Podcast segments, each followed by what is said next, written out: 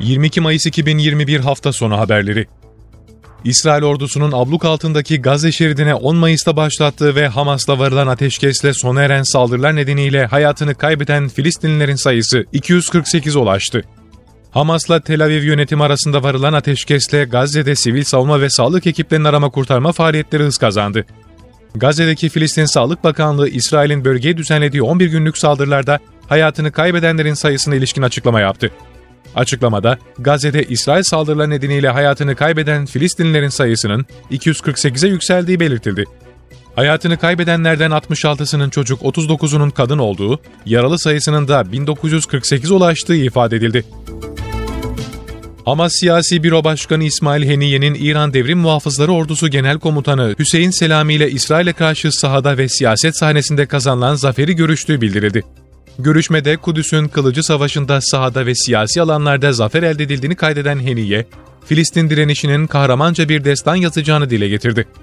Heniye ayrıca İran'ın sahada ve siyasi alanda Filistin halkının yanındaki duruşundan övgüyle söz edildi. Selami de Tahran'ın çeşitli alanlarında Filistin halkına ve direnişine her türlü desteği sunmaya hazır olduklarını ifade etti. Türkiye günlük koronavirüs tablosu güncel verilerine göre dün 218.846 COVID-19 testi yapıldı.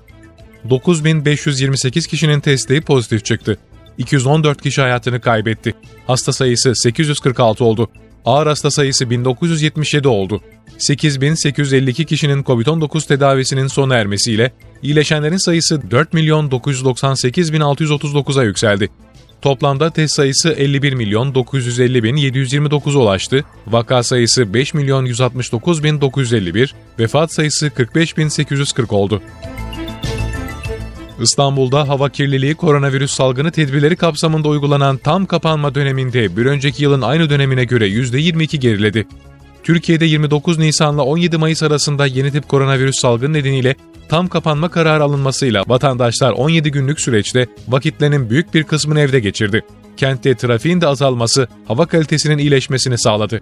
Çevre ve Şehircilik Bakanlığı ile İstanbul Büyükşehir Belediyesi hava kalite ölçüm istasyonlarından alınan bilgilere göre İstanbul'da azot dioksit hava kirliliği oranı tam kapanma döneminde önceki yılın aynı dönemine göre %22 azaldı. Kentte hava kirliliğinin en fazla azaldığı istasyonların başındaysa %80 ile Sarıyer alırken bunu %62 ile Beşiktaş izledi.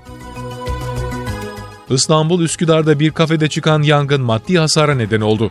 Salacak sahilinde bir kafede henüz belirlenemeyen nedenle yangın çıktı. Durumun bildirilmesi üzerine olay yerine itfaiye ve polis ekipleri sevk edildi. Yangın itfaiye ekiplerinin müdahalesiyle söndürülürken iş yerinde maddi hasar oluştu.